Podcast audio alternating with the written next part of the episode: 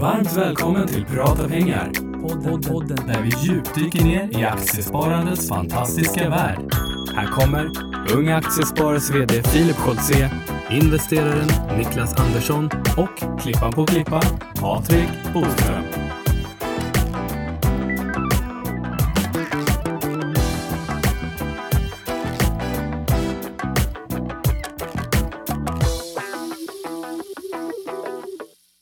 Då säger vi äntligen måndag och varmt välkomna till eh, den här sommarpodden får vi säga av eh, Prata pengar. Det är avsnitt 84 Niklas. Jajamän, vi börjar avancera uppåt. Vi har 100 i sikte, men det här är alltså 84, så det är några avsnitt kvar. Ska jag berätta om eh, Ja, men gör det. ett försök på avsnitt 100? Absolut.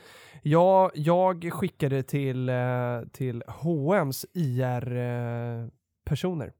Eller de har någon sån här, du vet, info at något sånt. Och så skrev jag så här att eh, vi, he, vi heter Prata Pengar, eh, Unga Aktiesparare gör den här och vi skulle jättegärna tycka att det var kul om eh, eh Karl-Johan och eh, och eller skrev jag Stefan, eller jag skrev faktiskt Stefan och eller Karl-Johan skulle vilja gästa vårt eh, jubileumsavsnitt nummer 100.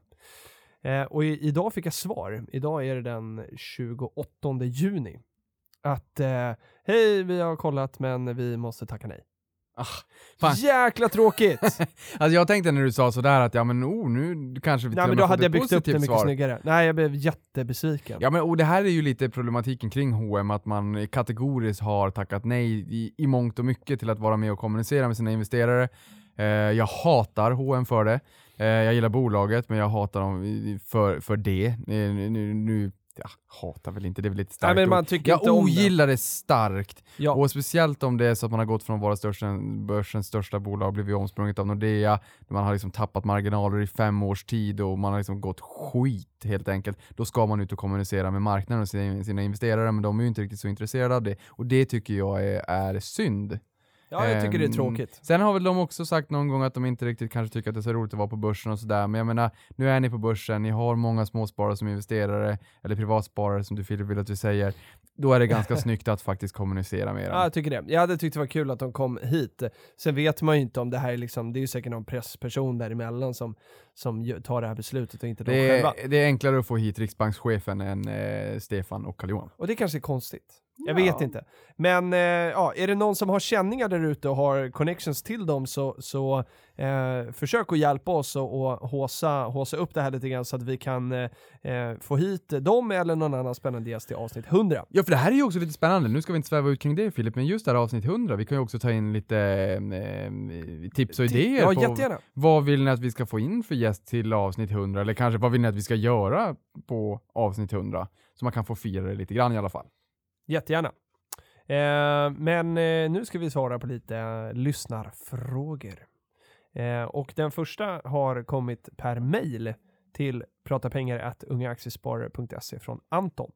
Eh, Anton skriver så här. Hej! Jag månadssparar löpande i aktiefonder och där ingår Spiltans investmentbolagsfonder både den svenska och den globala. Jag har även en aktieportfölj där jag också tenderar att dras mot investmentbolag. Borde jag skippa investmentbolagen i aktieportföljen helt och hållet då jag redan har en stor exponering till dessa två via fonderna? Alternativet är ju att eh, helt och hållet gå över till aktier, men jag vill gärna behålla mina fonder då jag vet att jag inte kommer röra dem överhuvudtaget, vilket inte är fallet när jag köper aktier. Eh, och eh, det här är ju intressant. Eh, vi kan ju eh, bolla lite kring det här. Vi, vi kan ju inte ge Anton några råd, för Anton ska ju bestämma liksom själv vad han vill göra. Vi får inte ge råd heller. Men vi kan väl liksom eh, resonera lite kring det. Eh, han har, eh, köper liksom de här fonderna som där fonderna köper investmentbolag. Sen köper han också samma investmentbolag förmodligen då eh, direkt som aktier. Eh, och det blir lite kaka på kaka. Ja, det blir det verkligen. Men behöver det vara helt fel då? Ja. Varför? Ja, nej, men eh, om det är så att man ändå köper aktier så kan man ju lika gärna fokusera på att köpa de underliggande aktierna istället. då finns det ingen anledning att köpa ett skal eller en fond som paketerar här åt dig eftersom att du redan gör det själv. Det är som att prenumerera på en färdig matkasse och betala extra för det Mm. eh, få- för att få den hemlevererad till, till, eh, till farstubron, eller ja, fa- säger man farstubron? Eh, få, den hem, den hemlevererad samtidigt som man ändå åker till affären och handlar. Så det är så här, ja. men jag Ja. åker till affären och handlar samma matkasse och när jag kommer hem så har jag en identisk matkasse på, på eh, bron Mm. som har blivit hemlevererad till mig. Det blir lite kaka på kaka och jag tycker också det är intressant här när man säger att eh, man absolut inte rör fonderna men istället rör aktierna. Eh, jag tycker att ha en mental bokföring och, och, och låt sätt liksom en titel på dina aktier att det här är kärninnehav, de rör jag inte. Nej. Men det kanske är svårt, och liksom, det tar väl kanske några år innan man vet vilka ens kärninnehav är. Och det kanske liksom förändras över tid. Jag tycker ju liksom, eh, ingen av, ingen av mina innehav har ju varit ett kärninnehav, eh, om man nu ska använda ett sånt uttryck, liksom från början. Det växer ju till sig över tid och jag kan tänka mig att när man har en fond, eller det är väl så när man har en fond, man har ju inte samma liksom känslomässiga kanske connection till den för att det är liksom, det är bara en produkt och så ligger en massa saker där i. Medan en aktie liksom, det är ju den har ju en identitet på ett helt annat sätt. Har du H&M aktier så har du H&M, men har du en fond där H&M är den största delen så är det ju inte liksom H&M på samma sätt. Alltså, jag förstår ditt resonemang Niklas, men jag... Eh, eh, Och, och nej, det kanske inte är helt rationellt att göra på det här sättet. Framförallt inte heller med avgifterna i och med att fonderna ligger och kostar varje år. Eh, nu kostar väl, Spiltans kostar väl då den svenska 0,20% och den utländska 0,5%. Eh, och köper du aktier så betalar man kanske då 0,25 så första året är det dyrare då jämfört med den svenska fonden men år två så blir det billigare. Eh, I och med att fonden kostar varje år, aktien kostar bara vid köptillfället. Det är väl, det är väl ganska... Ja, och med det är inte gratis courtage, liksom, det finns ju det också. Ja, men nu måste man väl tänka långsiktigt. Gratis Ja, courtage tar absolut. ju slut rätt fort. Um, så att, nej, det kanske inte är helt, uh, helt perfekt, men, men, men någonstans så tycker jag ändå att Anto är inne på eh, någonting klokt i det här med att så här, men jag tenderar inte att röra dem så därför gör jag det här. Eh, så här, man får göra hur man vill så länge man tycker att det funkar för en. Sen eh, tror jag han har svarat lite på frågan själv när han ställer den, att säga ja det är klart att det blir en överlapp och det hade kanske varit rationellt att göra det helt och hållet i aktier då för att skulle du kunna hålla samma disciplin då att inte sälja eh, så skulle du få ner dina transaktionskostnader. Så är det förstås, avgifterna för att handla. Men eh, man får prova sig fram. Jag vet ju många som både har ett fondsparande och ett aktiesparande. Ja, och det har man väl liksom indirekt också via PPM-sparandet så har jo, man ju men även utanför också. det, alltså jag vet, jag vet många som liksom har så här, eh, man, man har liksom en portfölj så så här, men här har jag en fondportfölj som bara får ticka på och sen har jag liksom aktierna som jag mer laborerar lite med. Mm. Och det kanske är en mognadsprocess, man Ja, kanske det kan gör man- det ett ja. tag och sen kan man gå över helt och hållet på aktier eller helt och hållet på fonder, vilka man nu tycker passar den bäst. Ja men det kan nog vara, det är nog en bra poäng. Men just det här med, i det där fallet att det både är en investmentbolagsfond och investmentbolag också. Det är ju lite grann som att paketera eh, sina aktier i, vad, heter det pappret, F- hello- ja något sånt där vackert litet papper för att omgärda en b- bukett blommor säger Jaha, vi. eh, Ehm, eller choklad eller vad den kan tänkas vara. Cellofan. Cellofan. Ja. Det blir liksom ett extra lager på någonting du redan har i dagsläget för att han säger ju att han redan har investmentbolagen i portföljen. Ja, precis.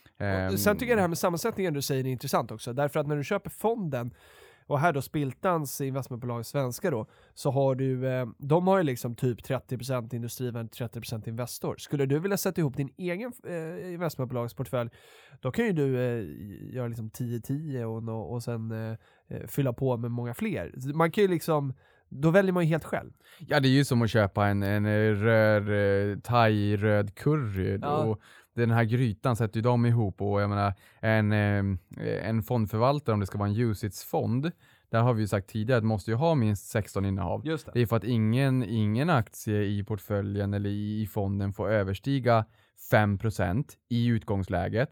Nej. Men 40% av det totala värdet, av ja, totala fondförmögenheten, 40% av dem får utgöras av 10% stekar. Och det är de här två Mm. tillsammans, att det är max 5% per innehav, men ni får ha 10% i, per bolag så länge inte den här 10%-andelarna överstiger 40% av fondförmögenheten. De två tillsammans gör att man brukar säga att UCITS-reglerna ger 16 innehav minimum. Specialfonder, de, där behöver du bara ha två bolag, eller två innehav snarare. Mm. Men inget av innehaven får överstiga 50% så att för att överhuvudtaget kunna ha en hand i den här fonden, att någonting kan stiga och någonting kan sjunka, så måste du ha fler än två innehav. Just det. Men, men som sagt, man sätter ju Och det är ihop den här bara de grytan här själv. UCITS-fonderna som finns i PPM, eller hur? Visst är det så? Jag Aj, tror inte specialfonderna finns där. Det, det är verkligen en jättebra fråga, för jag är inte riktigt fond, fondifierad av mig. Jag tror det. För, Nej Mm. men så här, jag har hittat specialfonder ibland som jag tänkte att den här skulle jag kunna tänka mig att ha i, i premiepensionen, som är det korrekta namnet nu var inte PPM. Nej, precis. Ehm, eh, och, och så har jag inte hittat den där. Ehm, så. så kan det vara. Eh, ska vi gå vidare? Ja, Eh, tack för frågan Anton. Eh, kör, kör vidare, det kommer bli kanon här. Eh, sen har vi fått en fråga från Charlotte. Eh, och den här tycker jag är jätteintressant. Hej eh, Filip och Niklas. Lyssnar både på er podd och på Fredagspodden med Hanna och Amanda. Kul, den får vi lyssna på. Mm. Eh, har hittills tyckt att det har gått eh, bra och att de har fyllt olika syften, eh, våra olika poddar då. Men i det förra avsnittet, episod 269, och då förstår man det är inte våran då, för vi har inte funnits så länge. Nej. Men av deras, så hade de Consektor står det här som sponsor och de uppmuntrar lyssnarna till att låna pengar för att göra det lilla extra som man vill på sommaren, typ resa, inreda eller vad det nu skulle kunna vara. Jag är glad att jag har er två sittandes på andra axeln som kan säga till mig att belåning för sådan typ av kom, eh, konsumtion är skräp. Men för resten av deras målgrupp och lyssnare som inte har det kan det bli katastrofalt. Kan ni diskutera detta i något avsnitt framöver? Självklart. Eh, hur ser ni på er roll eh, och eh, hur ser ni på det ansvaret man har som poddare? Med vänliga hälsningar Charlotte oh, Eh, vad bra fråga. Ja, otroligt bra fråga alltså, och eh, jag ska bara säga det också att jag har inte lyssnat på det här avsnittet, ehm, så att jag kan inte liksom eh, redogöra för det. Men jag gick in på det här Consektors hemsida, jag känner inte igen det bolaget heller, men det verkar vara någon sån liksom låneförmedlare. Ehm, det, var, där det var min Var uppfattning. det där ett sponsrat poddavsnitt? Ja, hon sa hade? att de hade någon som sponsor, så där, det är det första man ska dra öronen åt sig. Eh, sen, eh, för att då är man ju biased på ett annat sätt Oh, liksom, ja. såklart, när man får betalt för någonting. Därför är det så skönt att vi inte är det.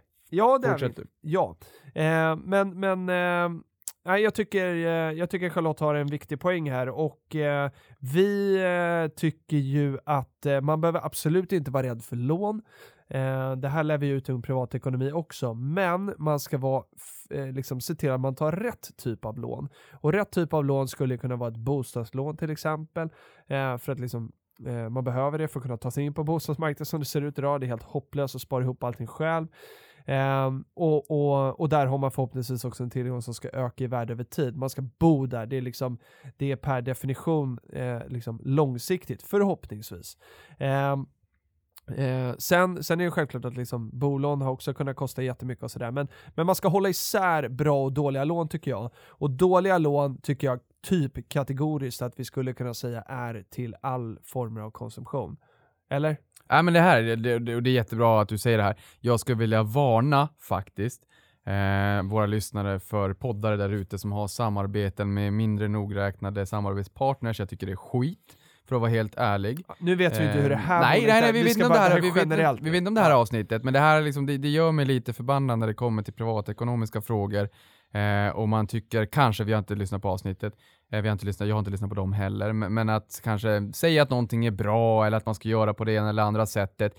Eh, jag, tycker att det är så, jag tycker att det är fel och många lyssnar ju på det här och tycker att ja men säger de att det är så, så är det kanske så.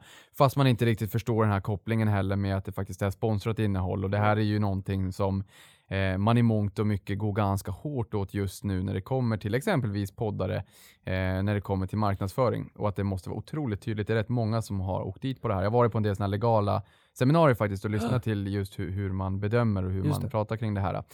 Ehm, Men vi sa, eller jag sa så här att man kategoriskt kan säga att lån till konsumtion är dåliga lån. Lån Håller du med? Lån till, konsumtion, lån till konsumtion är dåliga lån, Mm. ja. Det, det finns ett uttryck som säger the poor pays more. Och, eh, och det där är ganska bra. The poor pays more. Det innebär alltså att om du är så att du måste låna pengar så vet du att du alltid kommer vara den som går förlorande ur den transaktionen. Ja. Eh, för det är ganska dyrt att göra det här. Mm. Jag menar, att, att ha eget, eget kapital är ju inte gratis pengar det heller. Det ska Nej. man ju säga, för det finns ju något som kallas för alternativkostnad. Alltså, vad skulle jag kunna få för avkastning på mina pengar? Ja, åtminstone 7-10% kanske lite norrut därutöver på, på börsen långsiktigt. Så att även dina egna pengar har ju en kapitalkostnad. Men, Och här får jag ge ett exempel där då, Ja, eller som ja. är ett undantag. För att konsumtion, då kan någon säga så här, om jag ska köpa en bil, och så köper man en bil och så, och så ska man då, man har pengarna, vi säger att man har 200 000 eh, att kunna slanta den här bilen för, men sen tittar man på vad kostar det att, att eh, ta ett billån, vad kan det kosta? 3%? Ja, det är nog lite... Ja, men det, Fyra? Fem? Ja, nej, nej, nej. nej. Nej. nej. Mell- Mellan en och en halv och tre. Mellan, mellan en och en halv och fyra skulle jag säga, för du har ändå en viss form av Okej, säkerhet. men där under 5 i alla fall. Ja, det tror jag. Ja, och sen har man då de här pengarna kanske på börsen och så, och så är man rätt säker på att, eh, eh, eller över tid kanske man då har fått i alla fall 7%. Då kan det ju vara, eh, då kan det ju vara rimligt att låna för att du, kostnaden för att låna är lägre än vad du tjänar på att inte ta av ditt eget kapital. Eh, men, men då är man inne på det här med nytta maximera som, som vi brukar prata om, som du Niklas brukar nämna så fint. Eh, men men eh, det är klart att det är så.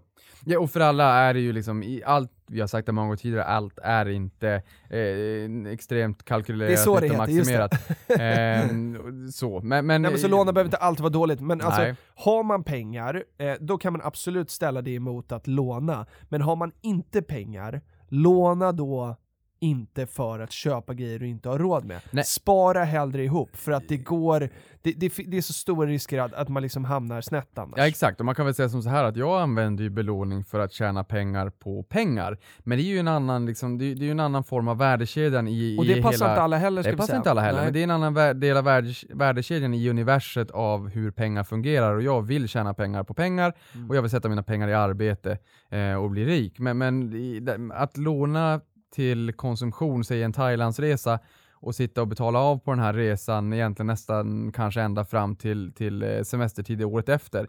Det är inte roligt, det är Nej. katastrof. Och just det här Filip, som du är inne på, eh, som frågan berörde lite grann också, vad har ni för, eh, eller hur ser ni på ansvaret som poddare? Jättestort Eh, ansvar. Extremt stort ansvar Ja. skulle jag säga. Vi tar det här på högsta allvar. Mm. Och det är därför jag aldrig, eller jag ska säga vi skulle aldrig någonsin sitta och reka någonting här som vi tycker är dåligt, Nej. liksom går emot allt vi står för. Så att ansvaret är väldigt stort och vi har byggt upp en stor lyssnarskara. Så att det, det, vi har ett ansvar helt klart. Och jag tittade faktiskt upp på Conceptors hemsida här också medan du inledde den här frågan.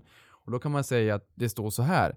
Eh, den lägsta ränta som erbjuds av Conceptors samarbetspartner är två- och 2,95% för privatlån. Då är det här juni den 28. Ja, men räntan du slash ni erhåller är rörlig och sätts individuell utifrån dina förutsättningar och dina privatekonom eller din privatekonomiska situation. Nominell ränta är 2,95 upp till 18,95. 18,95% i ett nollränteklimat är extremt högt. Ikea ligger på samma sätt. Jag tror Klarna ligger på strax under 30% om du avbetalar. Det är liksom, det, det är Ja, men Ikea hade nog kökslån för 099.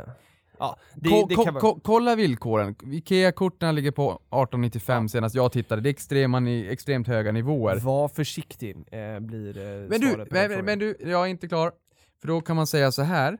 Eh, eh, jag har ett jättebra exempel här. Mm. Uh, du, du, du. Högsta effektiva räntan vid lån på 10 000 kronor med ett års återbetalningstid är 35,68 procent.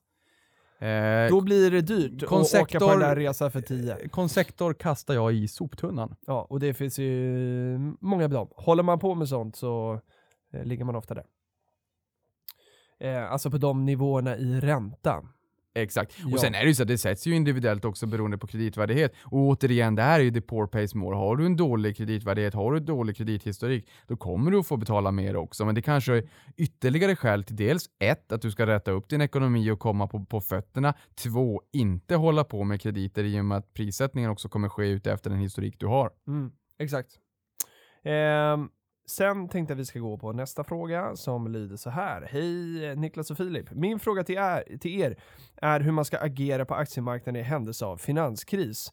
Eh, med vänliga hälsningar. Elmer. Elmer, du, jätteintressant. Du, Filip, jag måste bara säga på, på andra frågan. Okej. Jag blir så upprörd om det nu är så att man faktiskt rekommenderar sina poddlyssnare att Ja, låna vi måste pengar. lyssna så, ja men då får man lyssna. Om ja, det är så, jag jo. vet inte om det är så, men om det är Ja, så det så lät ju så på Charlotte här och det är ju hemskt i så fall. Ja. Alltså. Men nu tar vi finanskrisfrågan där, ska du börja? Eh, ja, i händelse av finanskris. Alltså jag har ju inte riktigt upplevt det. Alltså jag, jag var ju aktieintresserad och liksom var på börsen eh, liksom under den tiden, men det var inte liksom Alltså det, jag hade ju inte alls eh, sparat ihop så, så mycket pengar som jag har nu och jag har inte jättemycket nu heller egentligen. Så, eh, för att man är fortfarande bara liksom i starten på sin sparresa någonstans. Men, men jag kan inte liksom jag kan inte komma ihåg hur det kändes just då, för att jag liksom, jag pluggade och det var inte så att jag fick in en massa nya pengar som jag kunde återinvestera. Eh, så att, eh, men skulle det hända nu så hoppas jag att jag bara skulle fortsätta som jag gör idag, att köpa, köpa, köpa, köpa eh, varje månad efter uppesittarkväll. kväll. Det är det tråkiga och enkla svaret, men jag tog med den här frågan för att det tål att upprepas. Eh, du Niklas, som, sen är det också så här, jag glömmer ganska lätt sånt som har hänt där bak. Eh, så att eh, Eh, jag kommer inte riktigt ihåg. Men du har ett bättre minne än vad jag har Niklas, så du kanske kommer ihåg exakt hur du agerade senast. Och då blir frågan, skulle du göra likadant igen? Ja men det skulle jag. Och man kan väl säga så här, minnet är bra men kort, speciellt det finansiella minnet kanske. Men eh, jag tycker just finanskrisen var ju bra på så sätt att eh, det hände väldigt mycket på, på väldigt kort tid och man lärde sig hur man reagerade och hur man sen agerade.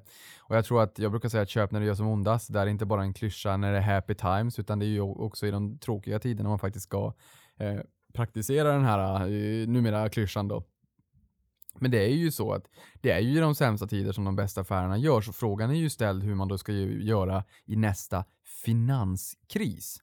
Eh, och det är inte säkert att det kommer en finanskris i... Ja, det kan i... vara någon annan typ av kris Ja. som påverkar finansmarknaden. Ja. Bra, bra Eh, nej men vi hade ju någonstans, vad ska man säga, om vi går lite en, en bit tillbaka, vi hade eh, Asienkrisen 97-98 va, Rysslandskrisen 98 också, de ställde väl in betalningarna, vi hade IT-boom och krasch 2000. Vi har haft finanskrisen som varit en statsfinansiell kris som varit lite grann av en realekonomisk kris. Vi hade statsfinanserna 2011-2012 där någonstans.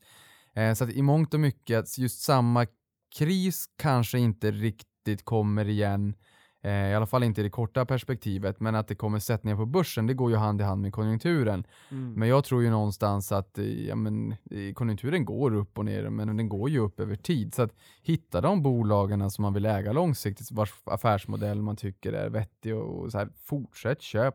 Och köp även när sentimentet är lite tråkigt, för det är ju faktiskt då de bra affärerna görs. Och vi har ju Mm. varit ut Filip och föreläst en del och då har vi, brukar vi ha med oss en bild som visar eh, både bull markets och bear markets, det. eller vad man ska säga, un, egentligen sedan 30-talet eller 20-talet i USA, Mm. Där man kan se att det är enorma uppgångar på börsen eh, i happy times. Mm. Och sen när det blir de här riktiga sättningarna så brukar det gå ganska fort ner. Mm. Det håller inte i sig så Nej. länge. Och det är ju just när börsen går ner och det är mörka tidningsrubriker och folk tycker att det är jobbigt och många kanske har haft belåning och måste sälja det och det utlöser stopp loss-nivåer, börsen faller ytterligare, det blir jobbigt, bostadsmarknaden kanske faller, aktiemarknaden faller, man tycker att det är jättejobbigt och sådär. Exakt. Och då vill många ut samtidigt. Mm. Så att just nedgångsperioderna är ofta väldigt, väldigt mycket kortare än vad uppgångsperioden är. Mm. Och det är ju där man också då he- helt enkelt ska ha modet att säga så här, men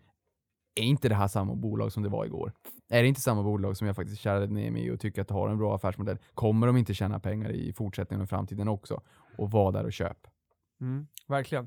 Och, eh, ja, men, och, och jag tycker så här, eh, har man, har man eh, också funderat den tanken när man väl har köpt ett bolag från början, då, och, och sen om bolaget liksom fortsätter, alltså går bra, eh, då, kan man, då behöver man kanske inte följa bolaget lika, lika noga. Det blir ju just där det börjar liksom vikta eh, neråt och svikta neråt och, och det börjar gå dåligt. Det är då tycker jag, i alla fall i min portfölj så fungerar jag, eh, när någonting inte går riktigt som jag hade tänkt mig, det är då jag börjar liksom fundera igen, är det här bolaget som jag trodde eller som det var då när jag valde att gå in och så vidare. Så att liksom, eh, när det är rött i portföljen, eh, plocka ut dem och ställ er samma fråga igen då.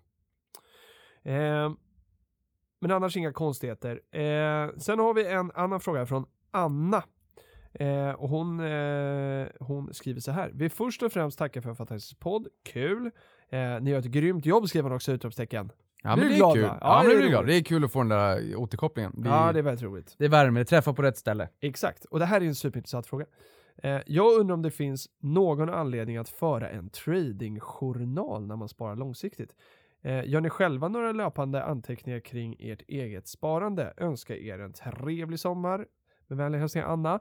Eh, tradingjournal, det här kommer jag ihåg att eh, eh, lite så här aktie aktie-ABC på något sätt. Första utbildningar man gick och första böckerna. Jag tror den här tradingguiden som vi har pratat om i något avsnitt också, ehm, eh, att det kanske stod med som ett tips där. Man ska skriva ner hela tiden som i en journal, varför gör jag det här köpet nu? Eh, och, och, och, att, och då kan man göra det i det här långsiktiga sparandet eller när man väl köper eller säljer. Alla transaktioner man gör så gör man på det viset. Eh, för att då kan man hela tiden gå tillbaka, hur var det jag tänkte då, hur tänker jag nu, hur ser jag på det här bolaget, hur har jag sett på det här bolaget över tid. Eh, och jag tycker att det är en, en jättebra grej att göra, även om man sparar långsiktigt, kanske i synnerhet då eh, på något sätt. För att på den kortare perioden så har man ju kanske ett bättre minne av varför man valde att, eh, att göra på ett visst sätt. Men eh, om man då ska svara ärligt på den här frågan om man själv gör det så måste jag svara nej. Jag för ingen liksom eh, tradingjournal som jag kan gå in och kolla, kolla exakt så här tänkte jag när jag gjorde det köpet. Gör du det? Nej, det gör inte jag heller, men det, sen blir det väl kanske lite grann, och även än mer framåt egentligen, kanske att vi kommenterar och diskuterar våra köp med i podden. Det här blir ju någon form av dagbok det blir också en journal. Ja, Ja, men det men det blir det. Jo, Men, det är men, men annars, nej det gör jag inte. Men jag kan rekommendera och tycka att det är bra eh, att faktiskt göra Ja, det. det är ingen dum idé. Ja men det är det inte, därför att att eh, och, liksom det kan vara ganska nyttigt att, att göra det och gå tillbaka både om det gick bra eller om det gick mindre bra och försöka lära sig av det. För att även som, som Warren Buffett har sagt, learn from your losses, you paid for them, om det nu skulle gå åt fel håll. Att man lär sig och utvecklas hela tiden. Och är det så att man för logg kring hur man tänker och så när man gör investeringarna så är det väl ett, ett verktyg och en språngbräda att ytterligare förbättra och verkligen få högoktanig reflektionsunderlag för sina affärer och verkligen bli mycket, mycket duktigare, mycket snabbare tror jag. Så att, eh, ja, all in. Jag tycker det, det låter jättebra. Alla sätt är bra utan de dåliga. Ja, för nej, att dra en klyscha. Absolut, men just det där också för att få underlaget till hur man tänkte. För annars kan det ju vara att man blir lite biased och man, man ändrar lite grann på nej men jag tänkte ju så här och så här. Nej det gjorde du inte, läs vad du skrev, vad Exakt. du tänkte så. Ja, men verkligen Eh, lära sig på eh, både sina lyckosamma drag och sina, sina misstag kanske. Exakt. Eh, ska vi ta sista mejlfrågan? Sen har jag några lite kortare Twitterfrågor här idag också. Men sista mejlfrågan, eh, den är lite lång och Niklas nu eh, behöver du vara fokuserad. Alltså jag sitter i telefonen här och försöker få fram krediträntan på Ikeas family-kort, ja, men, men, men länken funkar inte på Nej. sajten. Nej men strunta i det. Ja. För nu ska vi lyssna på vad Hugo har skickat in här. Ja. Han skriver så här, hej. Eller hejsan säger han till och med. Har en fundering eh, när man under kortare perioder får, får mer inkomster. Eh, jag tänker att jag ska jobba mycket extra under sommaren och jag ska sätta in 100% av det som jag tjänar extra då utöver min fasta lön. Eh, så ska jag sätta in allt extra eh, på börsen. Är det dumt att man under sommarmånader då lägger in Eh, jag behöver inte skriva, eller ja, ska, jag- ska jag säga hur mycket pengar det är då? Ja, eh, 7000 kronor, för det är bara Hugo, det är ingen som vet vem Hugo är. Eh, att jag lägger in 7000 från de vanliga då 2000. Han månadssparar normalt sett då när han jobbar 2000 kronor varje månad. Men under sommarmånaden kommer han tjäna så pass mycket att han skulle kunna lägga in 7000. Och då undrar han, är det dumt då att köra 2000 under hela året och 7000 under sommarmånaderna för att liksom sommarmånader vet man ju inte om de kommer vara bra eller dåliga. Eller är det bättre att han använder sitt sparkonto som att han har lite buffert och så fördelar han ut och sparar kanske 3-4 tusen varje månad under året och sen fyller han på från det som han har lånat från sin buffert då eh, så lägger han tillbaka det när sommaren kommer. Vad, eh, hur tycker vi att han ska göra här? Ja, Det beror ju på lite grann hur, på hur pass långsikt man investerar, men, men är det så att det här är ett väldigt långsiktigt sparande så kanske det egentligen idag inte spelar någon roll om det är 2 eller 7000. Men jag gillar ändå tanken Ja, jag gillar också att tanken. ha lite torrt krut och kunna liksom, eh, sprida ut det lite mer eh, under året. Ja, Och, och han säger Hugo här också att han är i ett ganska tidigt stadie här nu.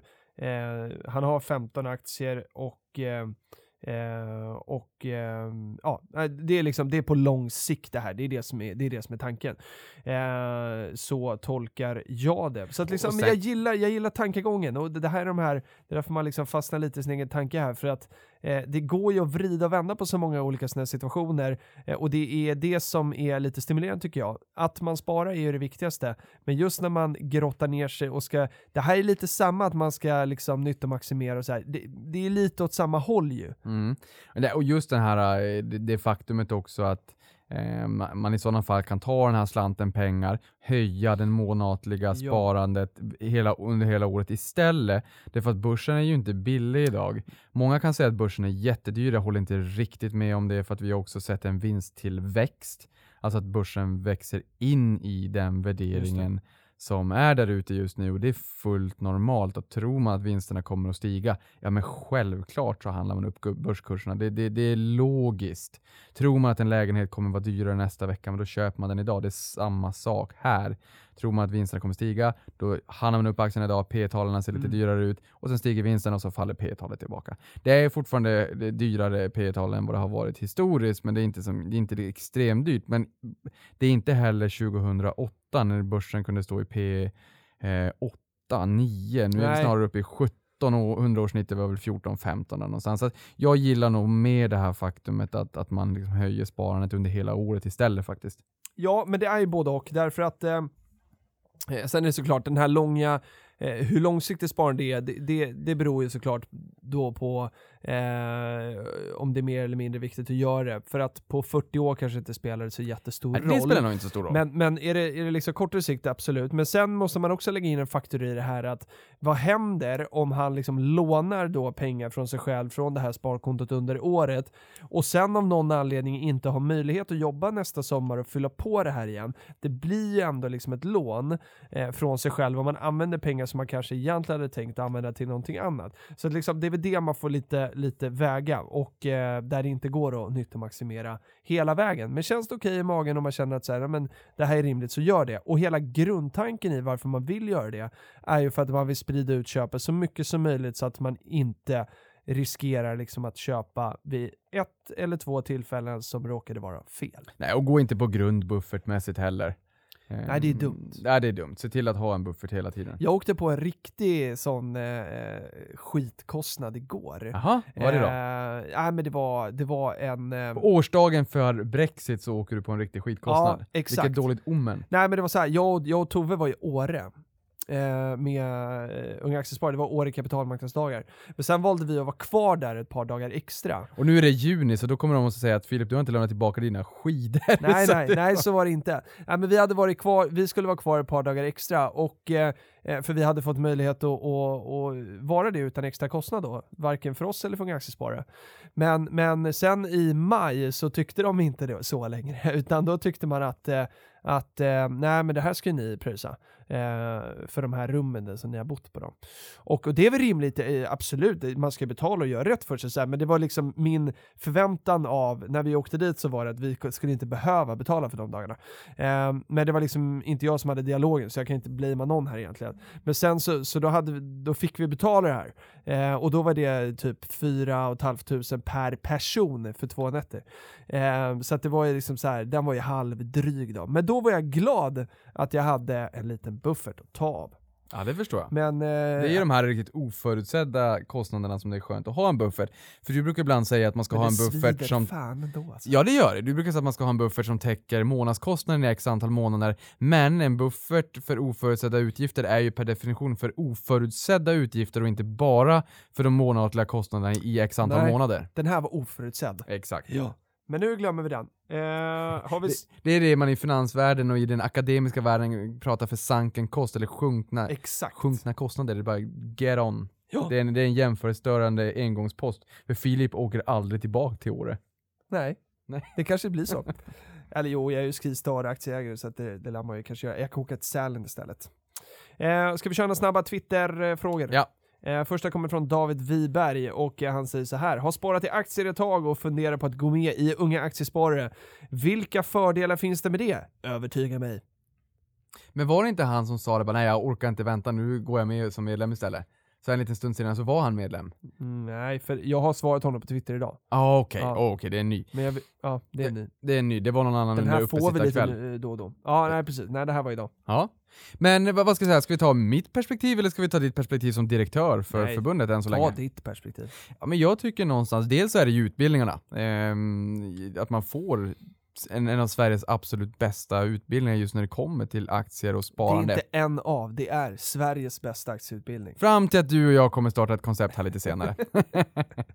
Nåväl, okej. Än så länge så är det Sveriges bästa aktieutbildning. Eh, och dessutom kostnadsfri. Jag eh, blir lite matt när jag får reklam från olika finanshus hit och dit och lite pri- privata, eh, ja, de, de ska ta en Strunt 13, samma. 14, 15, 1600 spänn, 2000 kronor för en utbildningshelg, när man lika gärna kan, kan gå till Unga Aktiesparare och få den här utbildningen istället. Och sen är det ju alla aktieträffar också runt om i vårt avlånga land där man får träffa de här bolagen som man kanske vill investera i och får liksom en annan dimension också när man träffar bolagen eh, som inte går riktigt att läsa sig till. För ibland har jag hört att ja, men jag kan ju läsa i årsredovisningarna kring det här bolaget istället för att gå på en bolagsträff. Nummer ett, de flesta gör det inte och nummer två, det här det är en extra dimension som man aldrig riktigt kan komma ifrån, att den adderar ett värde.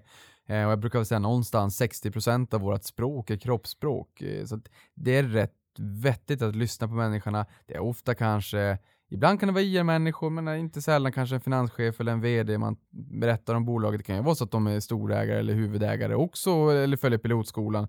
Man får liksom en helt annan bild av bolaget. Och sen sist men inte minst, det är ju ett otroligt fint nätverk av ungdomar som man, man lär känna och i mångt och mycket så tror jag nog att sannolikheten är rätt stor att man kan få vänner för livet också. För när man börjar komma upp i ålder så eh, kanske den gemensamma nämnaren inte längre är att man går i samma klass eller på samma skola.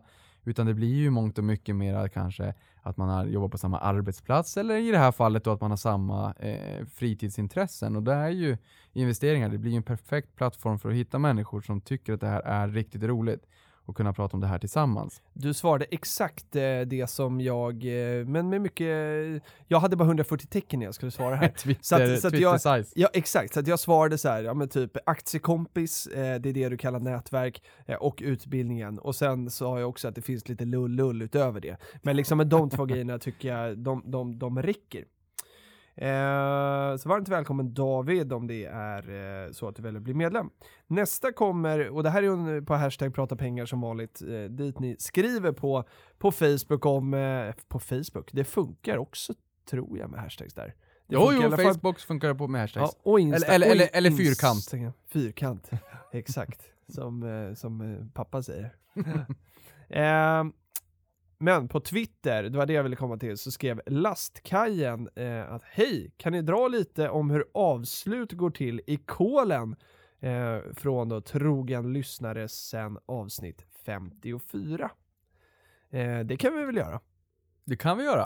Eh, kolen eh, finns ju två. En öppningskol som är mellan kvart i nio och nio. Mm. Där man, eh, i och med att börsen är stängd, så från det att börsen stänger på kvällen till att den öppnar på morgonen kan det hända massa saker.